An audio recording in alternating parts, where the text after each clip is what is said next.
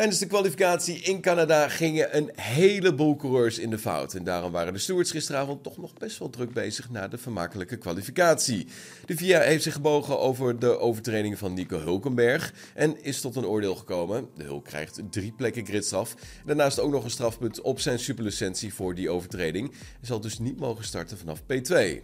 Tijdens de kwalificatie hield Hulkenberg niet de minimumtijd aan die de FIA stelt in artikel 37.6a van het sportreglement. Het gebeurde allemaal nadat de rode vlag was gevallen in Q3. De Duitser werd daarom op een matje geroepen om tekst en uitleg te geven. Het was extra vervelend omdat Hulkenberg toch wel een kunststukje afleverde door de tweede tijd op de klok te zetten tijdens de kwalificatie. Ja, de VIA heeft de data bekeken en zag Hulkenberg na zijn snelle ronde nogmaals aanzetten voor een snel rondje.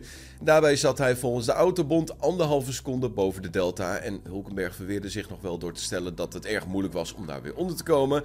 Maar de VIA vindt het veiligheidsaspect echter een stukje belangrijker, dus delen ze alsnog een straf uit. Wel benadrukt de Autobond dat hierbij normaliter 10 plekken straf voor staat. Maar gezien de omstandigheden hebben ze het maar bij 3 gehouden. Naast Hulkenberg hebben ook Lance Stroll, Yuki Tsunoda en Carlos Sainz een gridstraf gekregen van 3 plekken.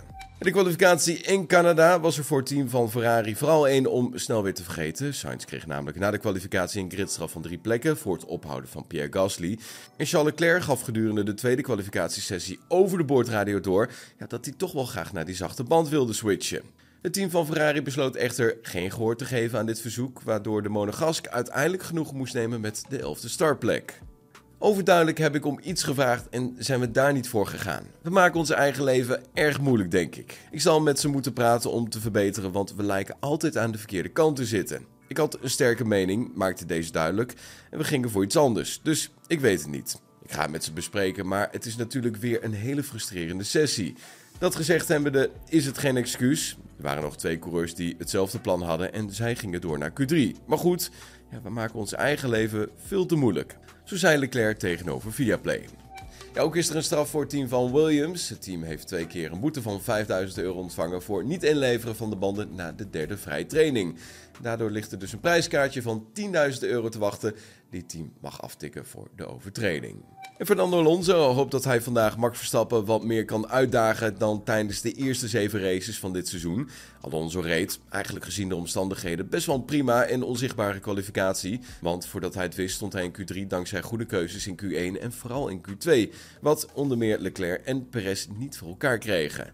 In Q3 reed Alonso voordat Piastri een rode vlag zorgde na de derde plaats. Na de rode vlag werd de sessie nog wel hervat, maar het regende zoveel harder dat er een verbetering niet meer in zou zitten.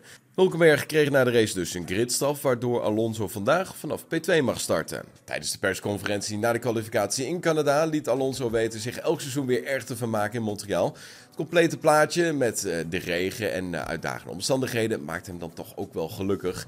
Nou, op de vraag of Alonso denkt eh, Verstappen vandaag uit te kunnen dagen, kan de Spanjaard duidelijk antwoorden. Ik denk dat we morgen de kans hebben om wat meer druk uit te oefenen. Denk dat ze tot nu toe heel gemakkelijk hebben gewonnen. En hopelijk kunnen we ze morgen onder druk zetten. Ja, toch is het doel wel duidelijk voor Alonso en zijn team. En wil hij Verstappen niet weg laten rijden. We willen twee seconden achter hem zitten en niet 20. Al dus Fernando Alonso. Was hem dan race day van de zondagochtend. Vanmiddag zijn we gewoon weer, omdat de race in de avond begint. Wil je dat niet missen? Vergeet je dan niet te abonneren op dit kanaal. Zie ik je dan weer. Tot dan. Hoi.